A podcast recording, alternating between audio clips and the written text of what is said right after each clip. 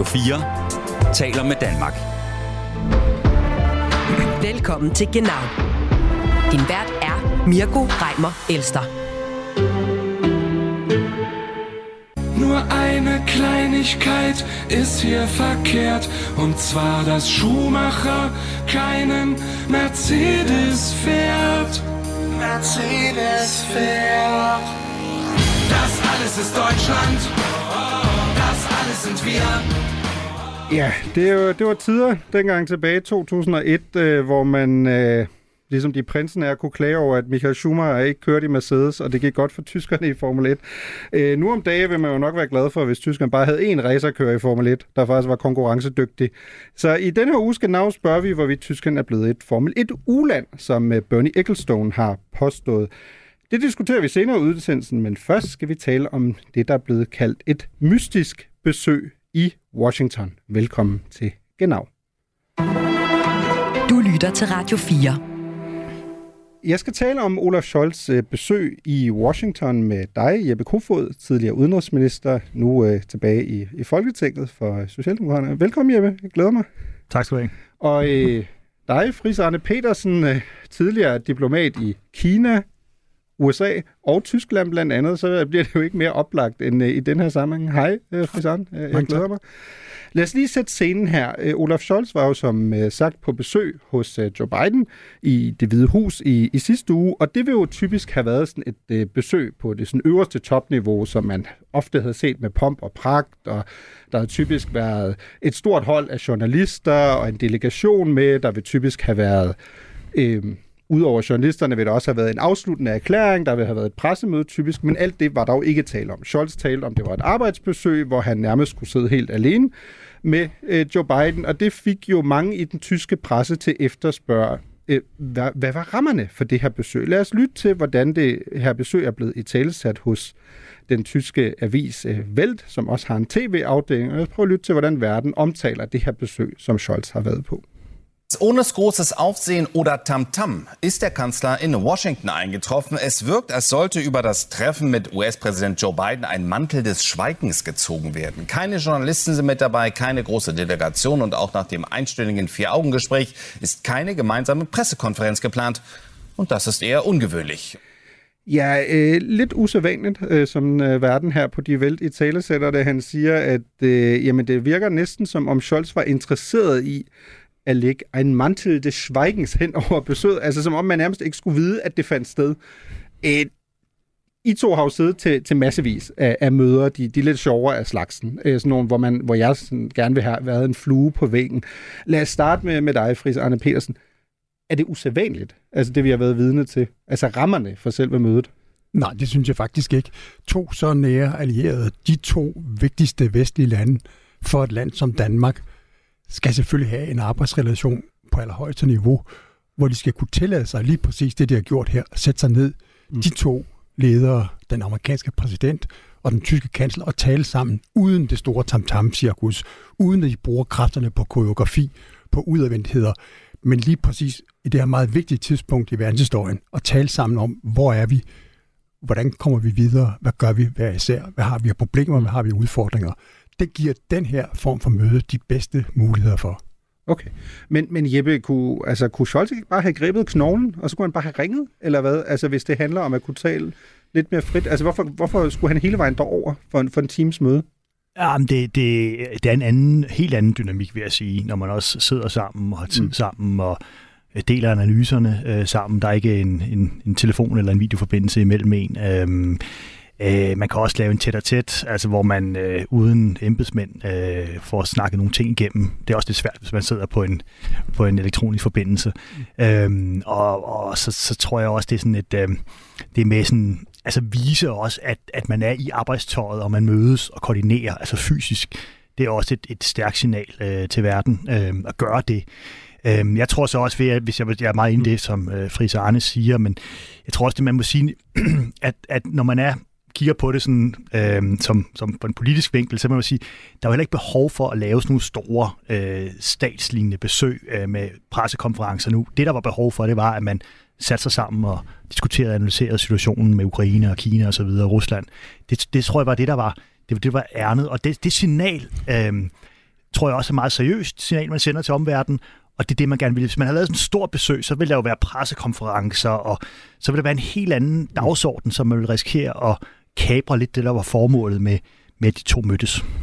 Er, er det så også blandt andet, fordi diplomati måske sådan lidt, lidt kæk godt kan beskrives som et form for langdistanceforhold? Altså, hvor at, at man, man, man, man, man ser hinanden ligesom ikke så tit, og derfor er det på nogle tidspunkter bare meget vigtigt, at man groft sagt har noget kvalitetstid sammen. Jamen, altså her den tyske jamen, det tror jeg, kansler og den amerikanske præsident. Ja, det tror jeg faktisk er en vigtig pointe, altså at, øhm, at det er bare de to sammen. Altså man mødes jo i talrige sammenhænge. Det kan være til, altså hvis det, mm. til, det kan være til NATO-topmøder, det kan være G20, det kan være andre sammenhænge, øh, men der er man jo sammen med rigtig mange, og man kan også have nogle, nogle selvfølgelig bilaterale møder undervejs, men det der med, at man bare mødes sådan stille og roligt, øh, alene, det, det har en kæmpe værdi. Det, det kan jeg selv huske som udenrigsminister. Det var noget af det, jeg satte pris på. Ligesom, det var bare øh, os to. Det var det, der var, var fokus i mødet. Øh, når jeg var i USA, øh, så havde jeg også de her samtaler med min øh, kollega, den amerikanske udenrigsminister Blinken, hvor vi også havde tid til at at vende ting, som man normalt ikke har i, i de andre sammenhænge, så det betyder noget. Hvad, hvad er det helt konkret? Jeg skal nok have dig med Altså, hvad er det helt konkret, du kan vende der, som du, du ikke vil kunne vende, hvis du havde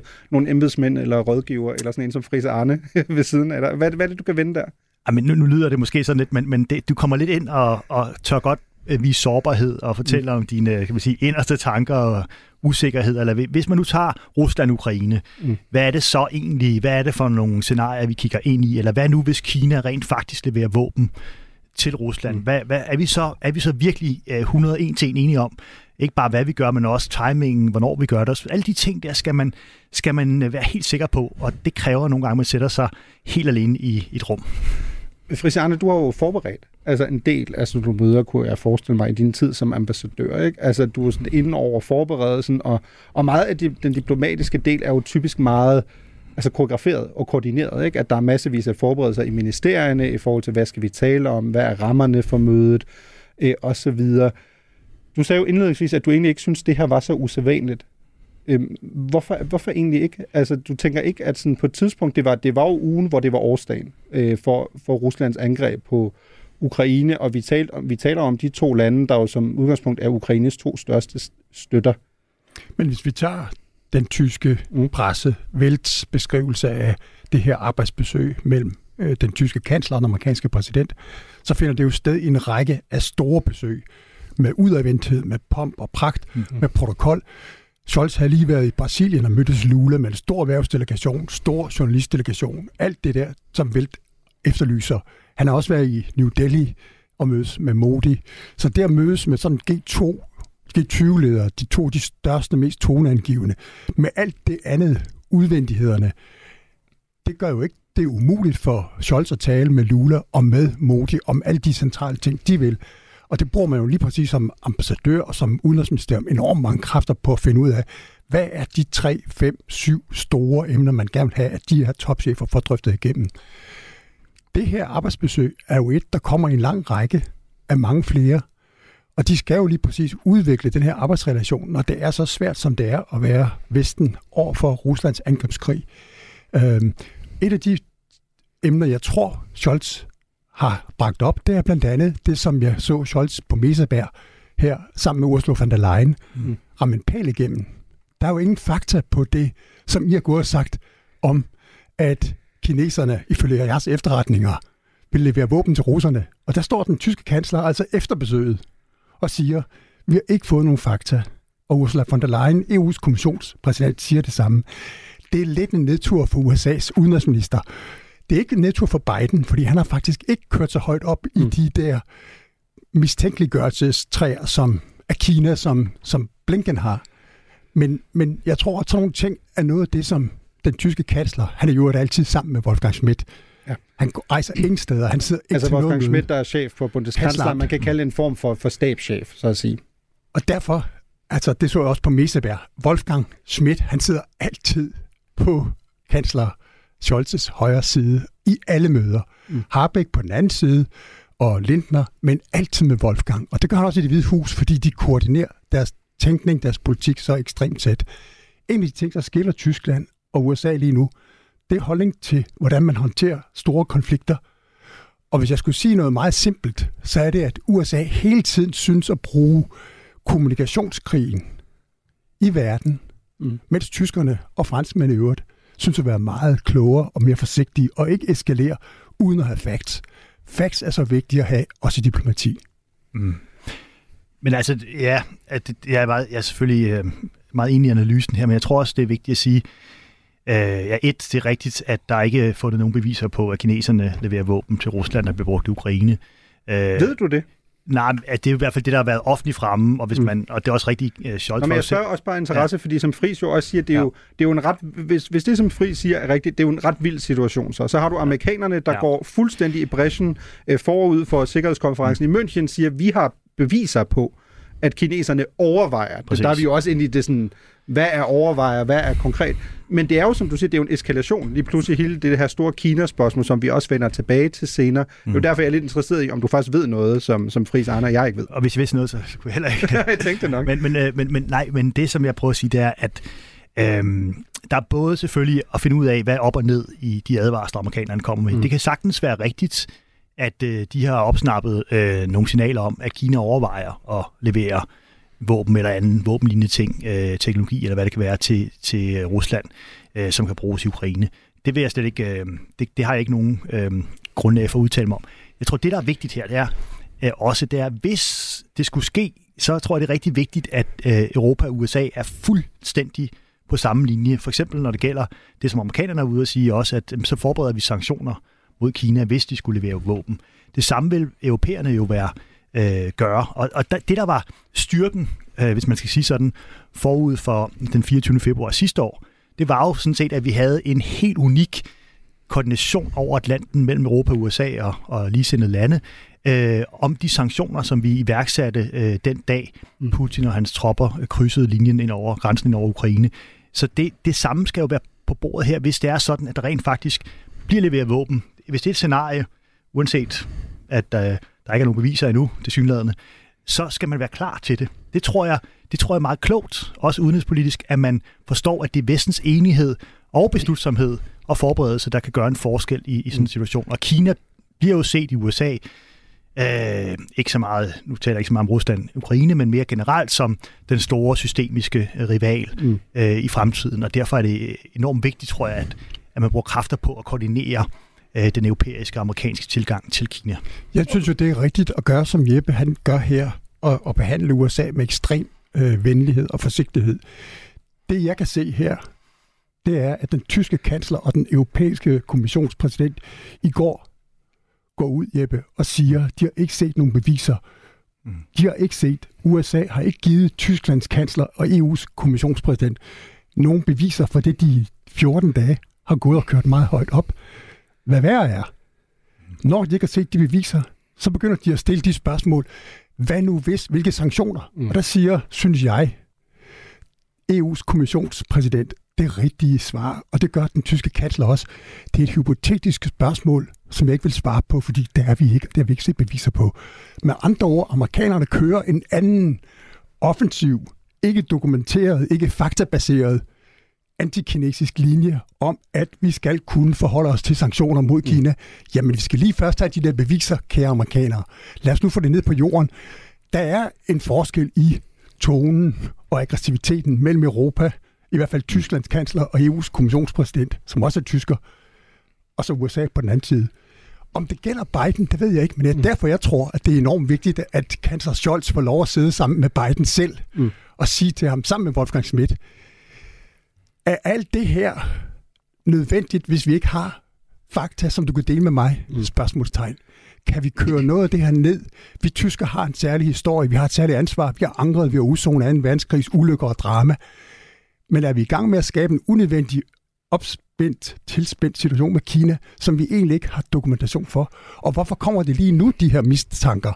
Mens kineserne vil deres på årsdagen 12 punkts, nogen har kaldt det en fredsplan, men det er jo i virkeligheden 12 kinesiske substanspolitiske holdninger til konflikter. Mm løsning. Okay, lad os prøve at tage lytterne med her i forhold til, at vi lige går to skridt tilbage og forklarer, hvad er sådan egentlig den tyske baggrund her. Den tyske baggrund er jo, som du siger, den ene er ekstern skabt. Den er skabt af amerikanerne, der op til sikkerhedskonferencen i München går ud og siger, Blinken, den amerikanske udenrigsminister, siger, at vi har efterretninger, der tyder på, at kineserne overvejer at støtte øh, Rusland med militære leverancer. Den anden er jo, at Scholz sidste uge i forbundsdagen står og holder det, der bliver betragtet som en form for statustale i forhold til, hvor langt er vi et år efter Ruslands angreb på Ukraine, et år efter at Scholz deklarerer Zeitenwende.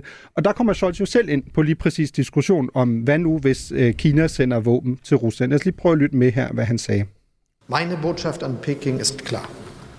Nutzen Sie Ihren Einfluss in Moskau, um auf den Rückzug russischer Truppen zu drängen und liefern Sie keine Waffen an den Aggressor Russland. Scholz siger det jo entydigt. Han siger, at han har et meget klart budskab til Kina. Det er, at I skal ikke sende våben til Rusland. I skal ikke støtte aggressoren. I skal bruge den indflydelse, I har i øh, Moskva. Men nu har vi jo talt om det, og det er rigtigt, det er jo en hypotetisk øh, diskussion, men som I også er inde på, det er jo svært at forestille sig, at, at Kina som tematik, og hvad nu hvis, ikke er blevet vendt under det her møde. Mm. Fordi det er vel blandt andet det, der er det næste store skridt, man skal diskutere. Også fordi Ursula von der Leyen jo her på fredag faktisk skal mødes med Biden. Mm. Og må ikke, der, det er lige præcis de samme ting, de også skal diskutere der, at, at uh, von der Leyen nok siger, tag lige en F4-mappe med de der beviser med, læg den på bordet og forklar mig, hvad er det lige præcis, I har, som vi ikke har. Ja, de skal være bedre end det, George, end det som den gamle amerikanske udenrigsminister Colin Powell lagde frem i FN's Sikkerhedsråd i sin ja. tid, som beviser for Irak-krigen. Det viser at være ikke helt korrekt. Men er vi ikke også et sted, hvis vi går et år tilbage? Amerikanerne havde jo suverænt de bedste efterretninger i forhold til Ruslands ageren. Amerikanerne var foran europæerne, blandt andet tyskerne, der ikke kunne se, at vi var et sted, hvor russerne nok vil invadere. Ukraine, så er der ikke også sådan en diskussion, hvor amerikanerne nemt vil kunne sige til tyskerne, at vi har været mere fremadsynet i vores efterretninger, Men... end I har, eller hvad, Jeppe? Øh, jo, altså der er ingen tvivl om, jeg tror, der bliver lyttet til en helt, på en helt anden måde til den her administration, og de ting, der bliver lagt frem, også i lyset af den erfaring, man havde sidste år, at øh, amerikanerne rent faktisk var korrekte, og britterne øvrigt også i forhold til at forudse, at der ville komme et angreb, en invasion mod Ukraine fra Ruslands side. Jeg tror så også, at jeg tror, at det grund til, at jeg holder lidt fast, det er, at, at øhm, det, at man har opsnappet, måske i noget efterretninger, øh, nogle signaler om, at, det, at man muligvis planlægger fra Kinas side at støtte i en eller anden form Rusland. Øhm, der kan man også tænke, at det er vigtigt for amerikanerne, og jeg synes faktisk også for europæerne, at man sådan advarer og siger, hey, prøv at høre Kina, øh, vi ved godt, at øh, I ikke stemmer for vores resolutioner i FN's Sikkerhedsråd. Vi ved godt, at øh, I har lagt en, fremlagt en fredsplan osv., men hvis I begynder for alvor aktivt at støtte Rusland, så krydser I en, en rød linje, som, som I skal vide, det tager vi rigtig ilde op. Altså den advarsel, tror jeg, er et rigtig vigtigt signal. Den har amerikanerne brug for at sende, det tror jeg, de har både udenrigs- og indrigspolitiske grunde. Øh, og det, øh, det synes jeg egentlig også, at, at europæerne mm. har. Jeg synes også, det som Scholz siger øh, i talen, øh, egentlig signalerer, at hvis det skulle ske, jamen så, så holder man sammen, så er det en rød linje, der bliver krydset. Det tror jeg er vigtigt på den ene side. Og på den anden side, så må man læne sig ind over Kina med alt det indflydelse, man har, og med alt det besvær, Kina er, og så sige, at I skal også hjælpe til at overholde, jeg tror det er punkt 1 i deres øh, i deres såkaldte fredsplan, øh, som handler om øh, respekt for øh, suverænitet og territorial integritet, som øh, Ukraines, øh, Ukraine mm. sagde, da den kom, jamen hvis vi bare overholder punkt 1, så er vi alle sammen glade. Øh, så, så vi skal også have Kina, vi kan få Kina til at være konstruktiv. Så den der balancegang mellem at advare om at øh, gå for tæt på Rusland, og samtidig mm. også være konstruktiv, det tror jeg, det er det, man også har talt om øh, tæt sammen, den amerikanske præsident og, og tyske kansler Scholz. Og lad os prøve at holde det lidt, lidt på den tyske kansler her. Altså, fordi Scholz blev interviewet af CNN i, i søndags af Farid Zakaria, der jo blandt andet lige præcis også spørger ham til det her og siger, hvad nu hvis? Hvad nu hvis det her sker? Kina blander sig, øh, kommer med militære leverancer. Så siger Scholz jo kun, at det vil have konsekvenser. Han er en udpensler, ikke dem. Det er måske ikke så mærkeligt, øh, kunne jeg forestille mig. Øh, ledende spørgsmål til dig, Fris Arne Petersen, der har været ambassadør i både Kina, øh, USA og, øh, og Tyskland. Det er vel ikke så mærkeligt, at man ikke får åben skærm ved begynde at diskutere sanktionspakker, eller hvad? Nej, og jeg synes, det vi lidt glemmer, det er, at vi har ikke en fakta for det, amerikanerne siger nu. Og at vi er så et år inde i en konflikt, her udenrigsminister, tidligere udenrigsminister, hvor vi lige præcis for et år siden sagde, at Kina må ikke gå ind og udtømme, udhule vores vestlige sanktioner. Det kan godt være, at vi ikke kan realistisk vurdere for hverken Indien eller Kina eller Sydafrika eller Brasilien eller en række andre af de lande, som Farid Zakaria hele tiden taler om i det globale syd med på vores politik. Mm. Men I må ikke udhule den. Og det sagde vi dengang til Kina, og det har vi gjort lige siden. Det gør vi også nu. Derfor kom sådan et alarmistisk, og det er det, jeg anholder, at sige, at man har dokumentation, man har efterretninger, som man ikke kan dele med sine nærmeste allierede, Tysklands kansler, så er det lidt svært at finde det troværdigt. Og det er der, som europæer som danskere synes, vi er nødt til at gå efter noget, der er faktabaseret, værdistyret, mm. men vi må bare ikke hoppe på den, vi helt år har sagt til kineserne, I må ikke støtte eller udhule. Og det er jo lige præcis det, kineserne selv siger, de ikke har. De har siddet på hegnet. De har ikke ville gå ind i vores krig. De har ikke vil gå imod den. De har ikke gået ind og udhule vores sanktioner. Jeg tror, at jeg synes, at den tyske kanslers meldinger er bedre. Det er mere direkte at sige til kineserne på etårsdagen, lad være med at støtte russerne. Sig til dem, at de skal forhandle fred. Det er jo det, kineserne hele tiden har sagt. Det skal være diplomati, det skal være forhandlinger, det skal være international politik. Det skal ikke være hverken militær eller sanktioner.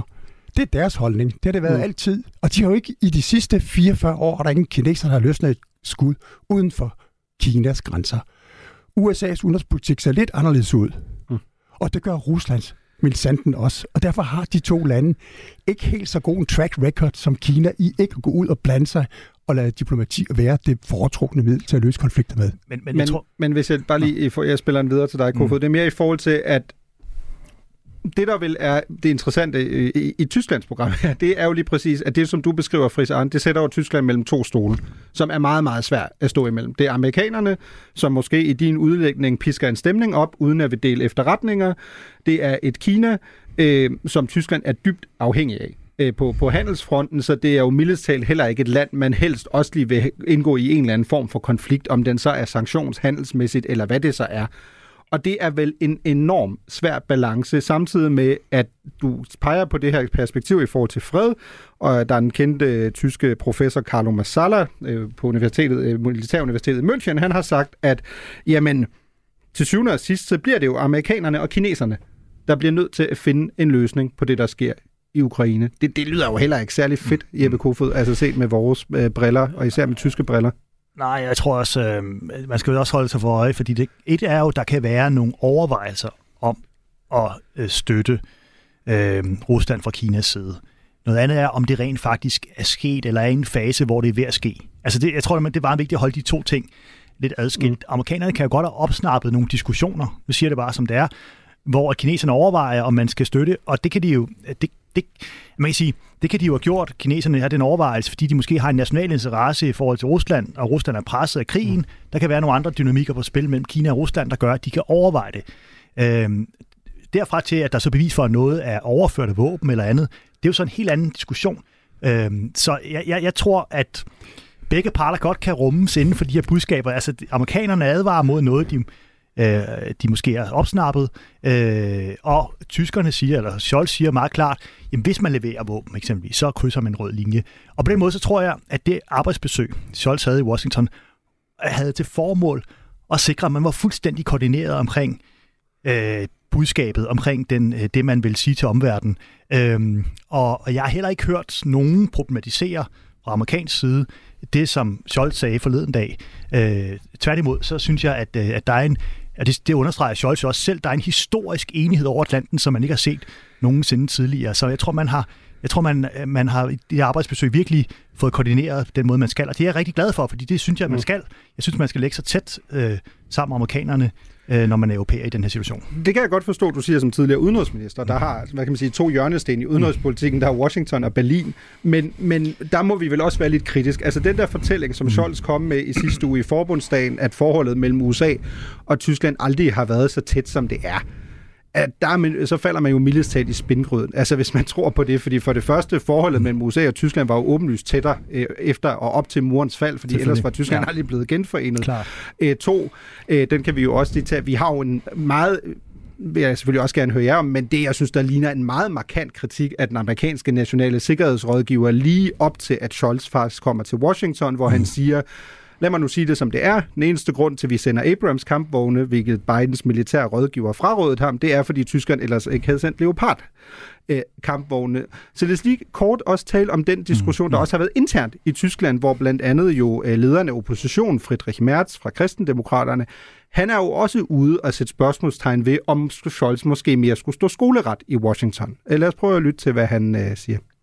Ich weiß nicht, äh, was der Bundeskanzler mit dem amerikanischen Präsidenten bespricht. Üblicherweise werden solche Besuche und solche Gespräche ja vorher angekündigt, vorher kurz definiert.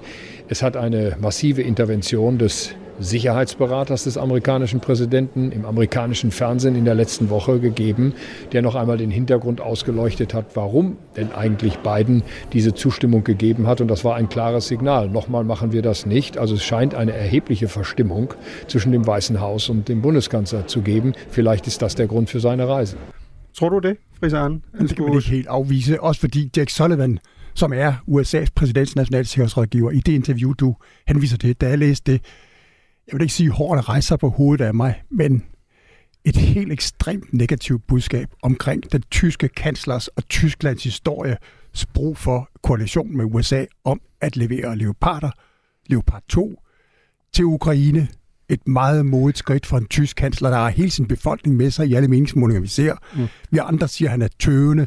Tyskerne kan godt lide ham, synes han er præcis, han er tålmodig, han er langmodig, han gør det rigtige. Og så kommer den amerikanske nationale sikkerhedsrådgiver ud og, og kaster vrag på, at den tyske kansler har ønsket, at USA også skal levere kampvogne. Og de har godt nok nogle andre kampvogne, og de kører på jetbrændstof, og det er meget svært mm. at få dem til at fungere i Ukraine, og de skal undervises i og køres, og det er svært. Mm. Men at lave grin med en tysk kansler, der går så langt før et besøg, det har fået kansleramt helt op i det røde. Og derfor har øh, men har han ikke en pointe, hvis vi skal tage den frisøren? Har han ikke en pointe? Altså, Wall Street Journal har en artikel lige op til, at Scholz kommer. Masse kilder, der siger, prøv at høre, Scholz har talt om Zeitenwende i et år, der er ikke sket noget. Øh, repræsentanter for det tyske forbundsværen siger, vi kan ikke mærke en forskel i forhold til for et år siden. Din ven Wolfgang Schmidt, stabschefen, ja. siger selv, at ambition og realiteterne er divergerende. Der er simpelthen ikke et sammenhæng mellem det. Er det ikke måske det kan jeg godt forstå, du som tidligere diplomat siger, at det er klogt at gøre det i offentligheden. Men er det ikke et udtryk for amerikansk frustration? Biden er også presset indrigspolitisk på det her, at tyskerne groft sagt misbruger USA her og siger, at I skal gå forrest, fordi vi tør ikke, selvom jeres kampvogne de facto ikke kan bruges i Ukraine. Jamen, jeg, jeg synes, der er to ting i den her diskussion. Den ene, det er, vil Tyskland levere deres mest kapable militære isengram, leoparderne, til Ukraine? Ja eller nej? Det vil de gerne på én betingelse, og det var, at USA gik med. Og det forstår jeg godt. Hvorfor? Jo, fordi hele det sikkerhedspolitiske resonemang er jo, at det ikke skal være Tyskland mod Rusland. Det skal ikke være Tyskland, der hjælper Ukraine. Det skal være NATO, det skal være Vesten. Det skal være et samlet, enigt allianceforhold, der gør det. Og derfor skal amerikanerne også levere deres uh, Abrams sammen med kansleren. Det synes jeg er godt tænkt. Det burde de også have tænkt i USA. Mm. Det burde de støtte, det må de ikke kaste vrag på. Den anden diskussion, vi har, det er, har, har Tyskland leveret de 100 milliarder euro, som Scholz sagde 27. februar mm. i forbundsdagen 2022 til det tyske forbundsværns opgradering. Jeg er ikke et øjeblik i tvivl om, der kan gøres rigtig mange indvendinger, som Friedrich Merz, oppositionslederen Tyskland, gør med rette. Tysk forbundsværn har en enorm lidelseslang historie, er ikke dygtig. Vi er heller ikke dygtige i Danmark til at få alle de der ting til at spille sammen. Selv vores forsvar har problemer med regnskaberne. Ingen af os forstår, hvordan det kan være så svært, men sådan er det bare i de der store systemer.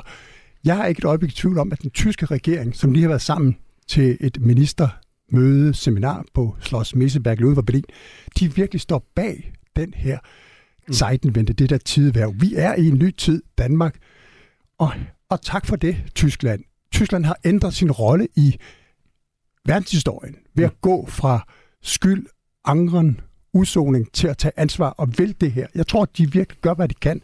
Og derfor vil der, synes jeg, fra USA's side kun være én ting, at tale det op og mm. støtte det, når man er en administration som Biden, der i den grad bygger på alliancer.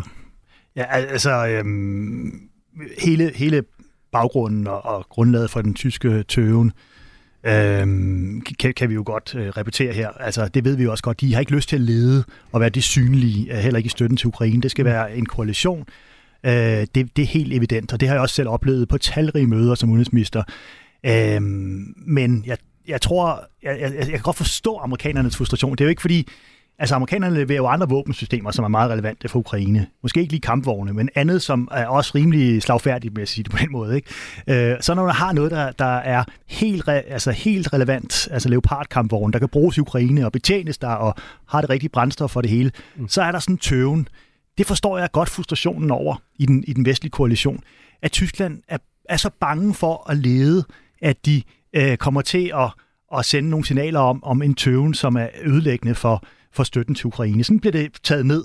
Men det er, er det ikke kernen her? Altså, jeg synes, der har været et meget fremragende ord i den tyske mm. debat for nyligt, og det er i stedet for Zeitwende, er det Zeitlupen-vende, altså slow motion vending. Er det ikke det, der lidt er problemet her, at, at du skal, sætter nogle forventninger højt op, du er inde på det, Fris Arne, mm. i forhold til tale den 27. februar sidste år, og nu har du i bund og grund, er det ikke i høj grad et kommunikationsproblem? Jeg synes, der er en, en, en ekspert, der siger det meget fint, uh, Liana Fix fra Council on Foreign Relations, hun siger, der er intet andet land i den her koalition, hvor der er så stor en kløft mellem det, der faktisk bliver bidraget med, og det omdømme, som vedkommende har i forhold til at støtte Ukraine, jo. i forhold til det tyske bidrag. Er det ikke en del af problemet? Jo, og må jeg bare tilføje, øh, her skal vi altså også have den nyere historie med i betragtning, ikke? Altså, vi skal have 2014 med, vi skal have 2008 med mm. for den sags skyld.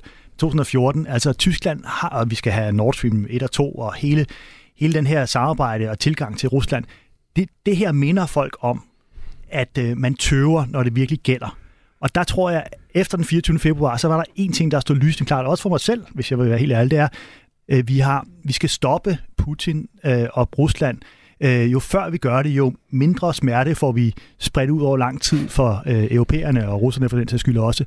Og, og, øh, og der håbede jeg også, at tyskerne forstod, at, at man skal sætte hårdt ind nu for at forhindre noget, der bliver endnu værre. Men der kommer den her, den, den her mm. melding her om, at man skal have øh, amerikanerne med med deres Abrahams kampvogne, før man selv kan levere Leopard. Der kommer det til igen sådan at minde en om en tøven, som man havde håbet på, at Tyskland havde forladt den 24. februar sidste år. Har du, øh, Jeppe, har, har du i din tid som udenrigsminister egentlig, har du nogensinde fået skideball? Altså til sådan et bilateralt møde? Altså er du sådan nogensinde kommet hen, og så er du bare blevet sådan skældt ud? Altså, nu skal jeg ikke gå ind i alle detaljer, men jeg har haft nogle øh, frimodige samtaler med min kinesiske øh, counterpart, altså udenrigsminister, okay. der Wang Yi, da han var udenrigsminister, af flere omgange, som, øh, som også, altså vi belærer jo også dem om, at der er noget, der hedder politiske øh, rettigheder og menneskerettigheder, mm så belærer de også om deres verdenssyn og også om øh, grænserne for ytringsfrihed osv. Så, videre. så der har vi haft nogle rimelige øh, slagsmål. Hvad med tætte allierede? Altså kan du forestille dig, at, at ja. Biden sådan meget direkte, når nu som Friis Arne siger, man bruger det her møde, det siger du jo også, men bruger det jo til at kunne tale rent ud af posen. Mm. Du tror ikke, han siger sådan til, til, til Scholz, come on man, Olaf, altså kom nu, eller hvad? Altså nu, nu øh, har jeg, jeg har stor veneration for, for den administration, der sidder nu, både Biden og, og Tony Blinken og resten øhm, også Jake Sullivan. Mm. Øhm, altså, de, de, øh, de forstår godt, øh, hvordan, hvor vigtigheden er alliancer. Øhm, og jeg tror vidderligt, der er et oprigtigt ønske, også fra Biden selv, til at forstå og lytte og finde ud af, hvordan amerikanerne kan være behjælpelige. Jeg tror også, du var lidt inde på det, Fris. Øh, men fordi, jeg vil prøve at forklare, han, undskyld, jeg afbryder ja, dig, men prøv at forklare, fordi Fris er jo inde på det, hvis det er rigtigt, mm. altså den analyse, du har der, hvorfor smider Jack Sullivan så tyskerne under bussen fem dage inden Scholz kommer? Og gør det offentligt. Det, der ja, er problemet præcis. med den her form for diplomati, det er jo, at det ikke er diplomati, det er et amerikansk angreb på den tyske kansler og regeringsforsøg på at være så hjælpsom, de har været siden afslutningen af 2. verdenskrig. Hvordan for mig som diplomat, tidligere diplomat, så er spørgsmålet altid, hvordan når man det mål, som Jeppe her så elegant beskriver, at få Tyskland til at tage større ansvar, lede noget mere. Er det ved at gå ud og kritisere den åbent og offentligt i de amerikanske medier, og dermed i den tyske presse spille ind i den oppositionskritik, som Friedrich Merz hele tiden har af den her lyskurve-koalitionspolitik? Spørgsmålstegn. Mit svar vil altid være, man kommer altså længere med at gøre sådan noget diplomatisk. Altså, det var noget, som Jake Sullivan kunne have ringet til, til Jens Pløtner, Ja, altså Scholz udenrigs- og sikkerhedspolitiske udenrigspolitiske rådgiver, tidligere karrierediplomat i Auswärtiges Amt, fantastisk dygtig, mangeårig tysk diplomat, og sige til ham, behøver I virkelig det her? Men det har de jo diskuteret over Atlanten mellem Berlin og Washington så mm. meget. Mm. Og der synes jeg jo, at lige præcis fordi Biden er den dygtige diplomat, der har brugt 40 år af sit liv som senator i Senate Foreign Relations Komiteen på diplomati, at han siger til Jake Sullivan og til Blinken og til de andre, Tyskland er på rette vej.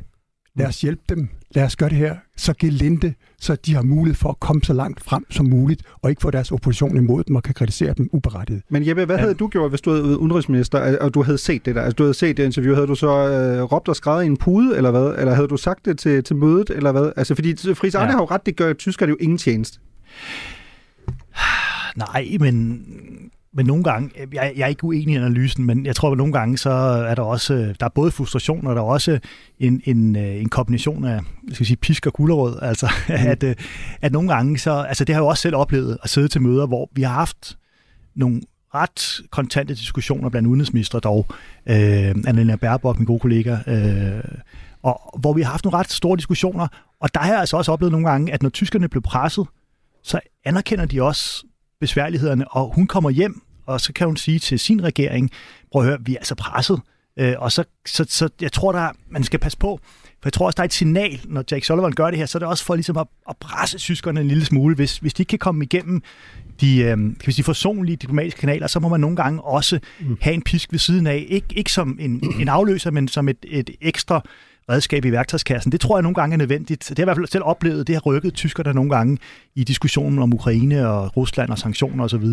at man også ligesom har været helt ærlig øh, over for dem. Men så lad mig spørge dig øh, afslutningsvis, øh, Jeppe Kofod. Jeg, vil jo elske at tale med jer om det her i, i timevis, men vi skal også forbi noget, noget Formel 1. Så, så sidste spørgsmål til dig, Jeppe Kofod. Du sad jo som, som udenrigsminister, da, da Rusland angreb øh, Ukraine. Hvis jeg spørger dig her et år senere, øh, den udvikling, som Tyskland er igennem, Zeitenwende eller Zeitlupenwende, hvad, hvad vil du så sige? Jeg tror, det er, hvis du med tøven, det kommer til at tage tid. Uh, men, Dit svar men, eller tyskernes? Ja, nej, det, altså, jeg tror, de kommer til at lave det, men, men det kommer til at tage tid. Jeg, jeg, jeg, jeg er ret overbevist om, at de kommer til at lave det.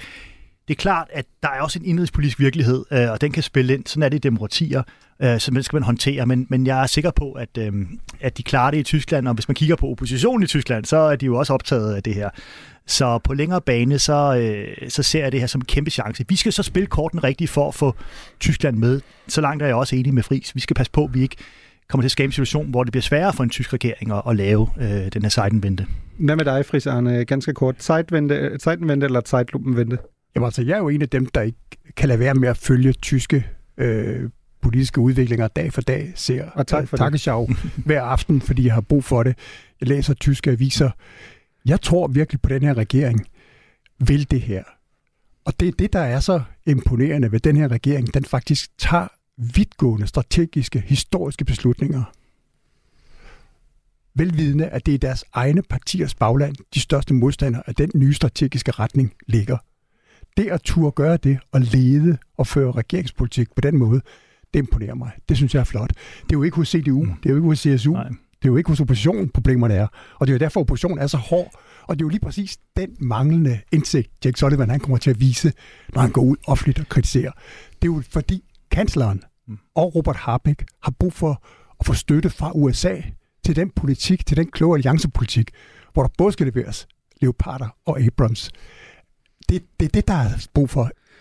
Tusind tak til jer begge to. Du lytter til Genau på Radio 4. Schumacher.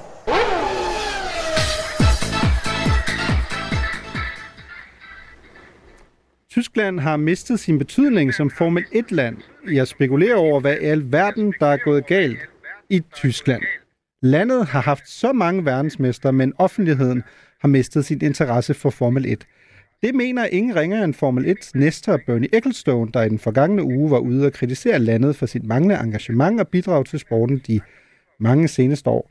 Hvor det tidligere har været Michael Schumacher, der har vundet verdensmestertitler, eller en anden, øh, der så har kørt i Mercedes, så har hverken en tysk kører eller bilproducent vundet Formel 1 de seneste tre år, der altså øh, kom tilbage i den her weekend med Grand Prix i Bahrain. Så er Tyskland blevet et ligegyldigt Formel 1-land – der er vist ikke mange andre, der er bedre til at svare på det spørgsmål end min næste gæst. Peter Nygaard, Formel 1-ekspert hos blandt andet Det er lige hjemvendt fra øh, Bahrain, hvor der jo blev kørt Formel 1 i weekenden. Øh, hej Peter. Hej. Peter, prøv at høre. Øh, lad os starte sådan lige øh, hårdt øh, på. Ikke her.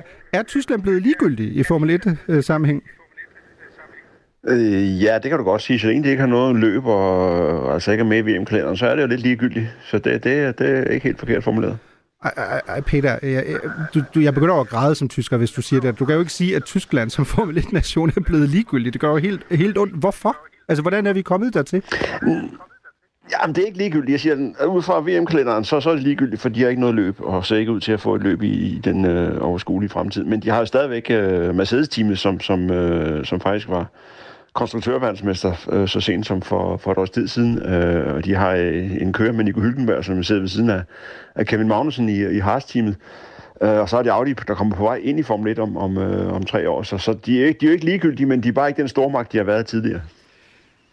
Ja, og man kan sige, at Nico Hylkenberg han blev vist nummer 15 eller sådan noget i beregn her i, i weekenden, ikke? Så det er jo ikke, ja. ikke fordi det virker til at, at være ham, øh, man som tysker skal sætte sin, sin lid til her.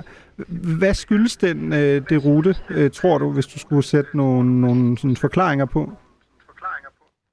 Jamen, jeg tror, det hænger i meget høj grad sammen med, at Michael Schumacher var så dominerende og var, var den første uh, tysker, der, der sådan rigtig gjorde sig gældende i Formel 1. Altså, Formel 1-VM startede i 1950, øh, og, og først i, øh, i midten af 90'erne kom Michael Schumacher og blev den første tyske verdensmester.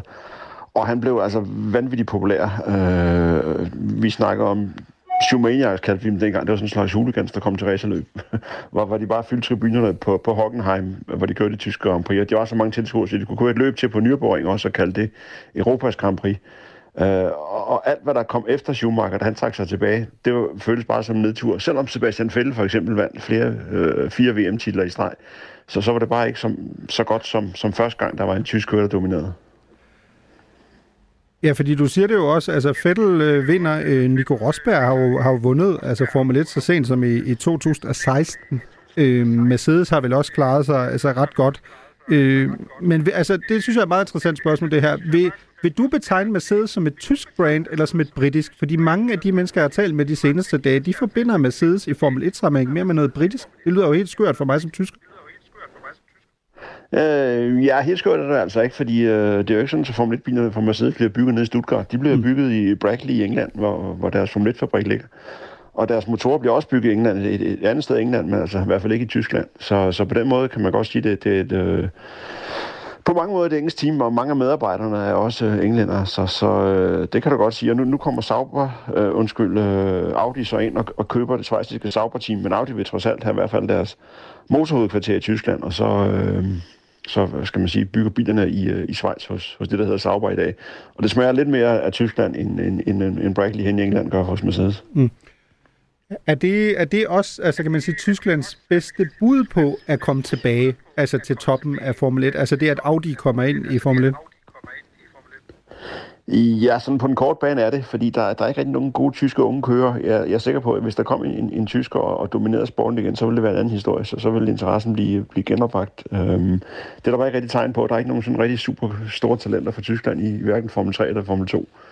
Saudi er nok øh, det bedste bud som, øh, til at genskabe den store interesse i Tyskland, men, men på den anden side, så er, er Tyskland jo ligesom alle andre lande i verden, øh, på nær Italien. I Italien, der er det sådan, så når, når Ferrari vinder, så er alt godt, så ligegyldigt, hvem der kører den. Alle andre lande, der er det jo køreren, der er vigtig, og så ligegyldigt, hvem han, hvem han kører for. Drømmescenariet for Audi er, at de får en tysk kører, så, så det kan blive en helt tysk øh, kombination, der, der kommer ind og dominerer. Men det, det, som sagt, det ser ikke sådan ud, at de kan få en tysk kører. Så, så Audi vil hjælpe, når de kommer ind, men, men det, vil ikke, øh, det vil ikke gøre Tyskland til en stor magt igen. Men hvad, hvad skyldes det, hvis du skulle pege på det, altså hvad skyldes det, at der ikke er de her øh, sådan, store tyske talenter øh, længere nede i rækkerne? Er det fordi, man har for, forsømt det, eller er det fordi, at rammerne bare er for, øh, for dårlige i Tyskland sammenlignet med andre lande, eller hvad skulle det skyldes? Mm, det er desværre nok sådan en nedadgående spiral, når der er en manglende interesse for Formel 1 i, øh, i, i landet, og der ikke er noget løb, så, så, så svinder interessen. Altså, da, da Michael Schumacher var på toppen, der skulle alle tyske knægte køre go-kart. Øh, og det skabte selvfølgelig en helt ny talentmasse, anført af, af Sebastian Vettel, men også Nico Hülkenberg er, er et produkt af den talentskole, som, som kom i slipstrøm på Schumacher. Og, og der er ikke rigtig nogen rollemodel i øjeblikket, som, som kan lokke de unge køre til at køre go-kart i stedet for at spille fodbold. det, det lyder meget bekendt, øh, når, når du siger det til en tysker, der er født i 1986, der, der godt kan lige præcis genkende det her billede af et, et ret Formel 1-begejstret Tyskland, hvor man uh, så RTL i weekenderne og uh, vidste, hvem Heinz Harald Frenzen var, og, så, og så videre. Så ja, jeg, kan præcis, godt, ja. jeg kan godt genkende det. Uh, lad os lige tale om det, som du også har nævnt et par gange, det her med, at Tyskland jo ikke har et Grand Prix længere. Uh, Bernie Ecclestone har jo også i talesæt netop det, Øh, og sagde, at øh, landet er ellers kendt for at huse Nürnbergring og Hockenheimring, men der er ikke blevet kørt et Formel 1 Grand Prix i Tyskland siden 2020, og så siger øh, Ecclestone, vi har haft så mange store løb foran et enormt publikum, men det kun minder nu. Og øh, det er han virkelig ked af, at øh, Formel 1 ikke eksisterer længere i Tyskland.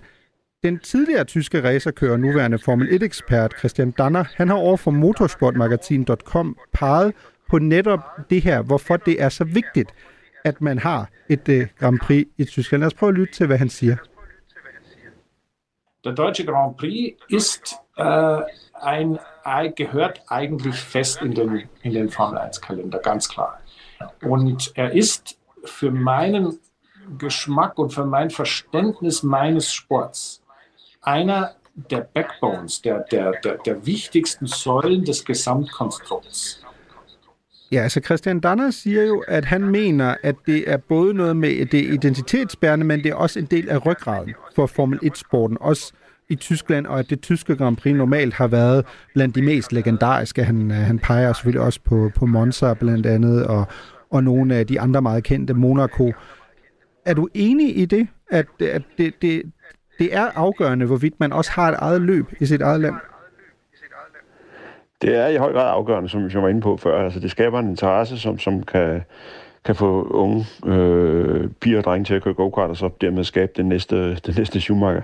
Men, men, men samtidig tror jeg, at Danner lever lidt i, øh, i fortiden her, fordi øh, det, det er rigtigt, at, at Tyskland var tidligere et, et vigtigt Grand Prix, og måske et af de mest præcisfyldte, de kørte på, på den gamle Nürburgring, som var måske den sværeste bane i Formel 1-kalenderen, men i dag er der bare så mange andre lande, der godt vil have en plads i Formel 1-kalenderen. Mm. Så hvis du ikke står klar lige ved havelån og med den store tjek, så risikerer du altså bare at blive til års, og det, det er i høj grad det, der er sket nede i Tyskland. Ja, apropos store, store tjek i den her for, øh, forbindelse, det synes jeg er meget interessant, du siger, fordi Danner peger også på noget andet, som man siger, og det er omkostningerne, ikke kun efterspørgsel, men også omkostningerne ved at have et øh, Grand Prix. Og han peger på, at en stor del af problemet her er, at Tyskland, ifølge ham i hvert fald, er et af de eneste lande, hvor der ikke bliver givet statsstøtte til Formel 1. Lad os lige prøve at lytte til, hvad han siger. Deutschland ist das einzige Land, was nicht über irgendwelche Regierungsbudgets finanziert wird in der Sache. Fußball, gar kein Problem, das wird von Steuer, Steuergeldern bezahlt, das gehört zum Fall. Er, er det en del af forklaringen? Altså, at, at, at du siger, at der er både noget med folkelig interesse, men er det simpelthen også nødvendigt, altså i forhold til at kunne få det til at løbe rundt øh, økonomisk, at der skal være øh, hvad kan man sige, en politisk prioritering af Formel 1? Helt sikkert. Øh, Christian har så ikke helt ret, når han siger, at, at der ikke tilflyder, eller tilflyder offentlige penge til øh, Grand Prix i Tyskland. Altså det sidste løb, de kørte i Tyskland, øh, Eiffel Grand Prix på, på Nürburgring i 20, var, var støttet af delstatsregeringen og, og, og kommunerne i omegnen. Og det, det var de seneste andre øh, løb i Tyskland også. Øh, og, og det er rigtigt, altså der, der skal offentlige penge til at, og, øh, at finansiere et formelt løb i dag. Øh, og og, og det, det er jo grunden til, at vi lige har været i Bahrain, og vi skal til Saudi-Arabien næste uge. Øh, det, det er jo ikke lande, der har nogen motorsportstradition eller motorsportskultur, eller nogensinde har skabt en Formel 1 eller et team for den sags skyld. Men de har bare en, en regering, som mener, at der er så stor prestige forbundet med at være med i Formel 1-kalenderen, så de lægger den helt store tjek. Og, og der er tyskerne altså ikke med. De er til på samme øh, niveau, og det betyder meget. Men, men tror du, at øh, du er jo også selv inde på det, at nu kommer øh, Formel 1 måske ud i sådan nogle lidt mere eksotiske lande, i forhold til hvor man har været øh, tidligere. Eksotisk er det pæne ord, ja. ja, jeg prøver at være diplomatisk her. øhm, men, og vi har haft en lignende diskussion, kan man sige, i forhold til fodbold-VM i Katar øh, for nogle måneder siden. Præcis. Er, men tror du, fordi du taler jo meget om, at blandt andet et løb i et land er med til at skabe en identitet, og det er måske også det, det, det der mangler i Tyskland nu. Altså, tror du, at generationer af, af folk i Saudi-Arabien og Bahrain, øh, de, de skal bare køre go-kart nu, fordi de har haft et løb, eller hvordan? Nej, altså Bahrain, nu skal vi til, til Bahrain, det var 19. gang, vi var der i år, så, så, så der, er, der er ved at skabe en, en, en tradition, og der er helt klart skabt en, en interesse. Uh, men det tager tid, altså de, de skal jo først lige, de unge knægte skal jo først lige igennem go-kart-klasserne og så videre, og så skal der bygges nogle go-kart-baner i, i stedet for, for ikke kun Formel 1-baner, men også nogle go-kart-baner. Så det tager tid, det tager, tager, tager generationer at lave sådan en kultur, som de har nyt godt af i Tyskland i mange år, men som nu er ved at, at gå fløjten. Uh, men det er helt klart, at hvis du har et, et, et, øh, et, et, en, en grobund med et Grand Prix, så skaber du en interesse, som på et tidspunkt også skaber en, en Formel 1-kører. Hvordan, hvis jeg må spørge dig øh, om det, øh, Peter, hvordan har du det med det på sådan et personligt plan? Altså, du har jo dækket øh, Formel 1 i, er jo tæt på sin menneskealder. Øhm, hvordan har du det med, at du, du må være opvokset med, at, at Tyskland, det er bare en Formel 1 supermagt. Og nu er de, øh, siger Norbert Haug, der jo øh, i mange år har været motorsportsdirektør for Mercedes, da det gik godt, han har jo selv været ude og sige, prøv at høre, Tyskland er gået fra at være Formel 1 supermagt til Formel 1 uland. Det er, jo, det er jo virkelig hårde ord. Altså, hvordan har du det med det personligt også? Jamen, øh, Norbert Haug er fuldstændig ret. Øh, det, det, det er meget godt formuleret fra supermarked til, til uland i motorsport, og det er i Formel 1-sammenhæng. Og jeg har det skidt med det. Øh, for det første synes jeg, vi kører alt for mange løb. det, det er sådan en anden sag, men det, det, det 23 løb er bare, bare for mange. Men er det så, fordi synes, du skal er, arbejde for meget, Peter, eller er det, fordi du synes, det udvander kvaliteten, mm. eller hvordan? jeg skal arbejde lige meget mange løb, de kører. Jeg skal fylde lige så mange spaltmillimeter i forskellige medier, jeg arbejder for sig. Men jeg synes, det er bare, øh, øh, det udvander det, som du siger. Det er ikke, øh, det er ikke længere en, øh, et Formel 1 Grand Prix, ikke den store event, som, som det var før tiden. Når man glæder sig til i ugevis, og så bliver du kørt, så glæder man sig til næste løb, der bliver kørt 14 dage eller 3 uger senere. Nu er det næsten blevet ligesom, ligesom tennis, ikke? Der er altid en turnering i næste uge. Øh, og, og det synes jeg øh, er kendt. Det bliver overeksponeret i øjeblikket med, med 23 løb. Øh, og så synes jeg, det er kedeligt. Så, altså, jeg, jeg elsker øh, Formel 1 øh, og, og, og Formel 1-historien. Jeg synes, det er kedeligt, at vi skal til sådan nogle lande som, som Bahrain og Saudi-Arabien og, og Katar og Azerbaijan og øh, øh, altså, glem det politiske, men mere det, det motorsportskulturelle. Det, det er ikke lande, som, som har en, en motorsportsinteresse, der kan blive bygget op øh, over mange år, og man skal også godt i gang med det. Men når man har løb de steder, og så ikke køre løb i Tyskland og i Frankrig for eksempel, som altså landet, der opfandt ordet Grand Prix sammenhæng med motorløb, det, det, er, det er nærmest en skandale, synes jeg. Så du siger, det, det handler måske ikke så meget om, om politik, men om, om kultur, altså om stemning, at du forbinder Formel 1 med noget meget bestemt, og det, og det har du sådan meget svært ved at genkende i, i mange af de her lidt nyere løb, øh, sammenlignet med for eksempel, når man hed Grand Prix i Tyskland. Ja, det, det er helt rigtigt. Jeg synes, det er, det, det er, en, det er en kedelig udvikling, at vi skal til nogle lande, hvor, hvor det kun er et spørgsmål om, at, at regeringen ser noget prestige i det, i stedet for et land, hvor, hvor der i hvert fald, lad os tage Tyskland ind, for ikke så forfærdelig mange år siden, var en enorm interesse for Formel 1, og vi, vi fyldte tribunerne hver eneste gang. Er, er det også lidt den onde spiral, altså du henviser til, at hvis du, du, har, nogle, du har et land, hvor du måske ikke har sådan nogle kendte Formel 1-kører længere, øh, så i Tyskland er det vel også en del af udfordringen i forhold til interessen, at jeg var i hvert fald født og opvokset med, at man så Formel 1 på RTL, men nu er det jo blevet pay-TV, øh, pay øh, altså det er Sky, der, der har købt rettighederne, hvilket kan jeg forstå betyder, at øh, seertallene er faldet meget, meget markant i, i Tyskland, og så har du mindre interesse, du har ikke øh, de store kører, øh, og så er det bare groft sagt en ond spiral, der bare fortsætter. Det er en nedadgående spiral, vi er inde i, det, det er helt sikkert, men, men det der med, at, at, at øh, det kommer på pay-tv, det, det er en udvikling, vi ser i, øh, i mange sportsgrene også, og, og i Danmark ved jeg, at, at øh, hvor det også er, er på bag betaling øh, men til Formel 1, der, der er tallene ikke så høje, som de var i de gamle glade dage, da, da det lå gratis på, på Danmarks Radio, men, men de er stadigvæk meget høje, og det hænger sammen med, at vi har Kevin Magnussen. Han klarer sig ikke så godt, som Michael Schumacher gjorde i hans storhedstid, men det er så, at vi har den første dansker i, med en fast plads i Formel 1, og det giver en kæmpe interesse. Hvis tyskerne havde en, en, en kører, der klarede sig rigtig godt, så ville, øh, ville de også få solgt nogle PTV-billetter.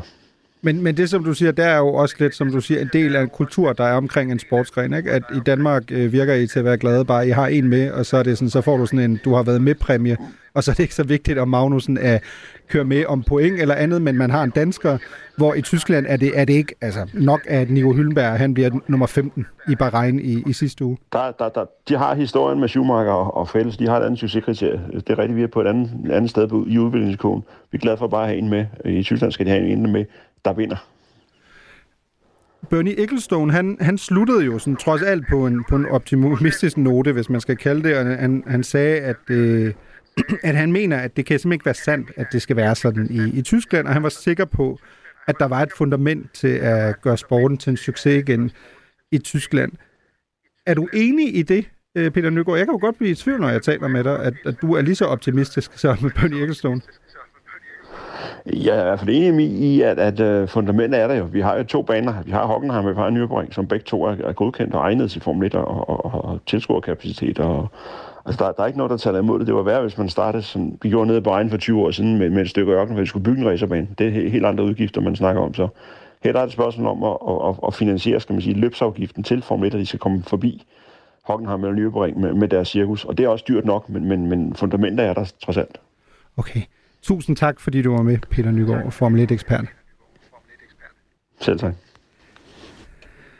Her til sidst vil jeg lige dele en skøn historie med jer fra Tyskland, hvor en hund tog toget. Ja, du hørte rigtigt. En hund, der tog toget øh, fra Salzgitter til Braunschweig. Det er en tur, der tager små 20 minutter. Øh, meget øh, miljøvenlig hund, må man sige, øh, og man er også lidt øh, dovent af denne labrador. Men hvem ved, måske havde togbetjenten ved en fejl taget hundefløjten med på arbejde. Tak til gæsterne i denne uge. Tak til redaktionen med Dorte Lind og Niklas Stein. Uanset om du er til storpolitik eller motorsport, om du kører Mercedes eller Manta, eller om du som vores firebenede ven foretrækker at tage toget, så blæser vi i Tysklands fløjten igen i næste uge, hvor vi har meget mere genau til dig. Vi slutter, hvor vi startede med de prinsens hyldest til Tyskland. Auf Wiederhören. Deutsch,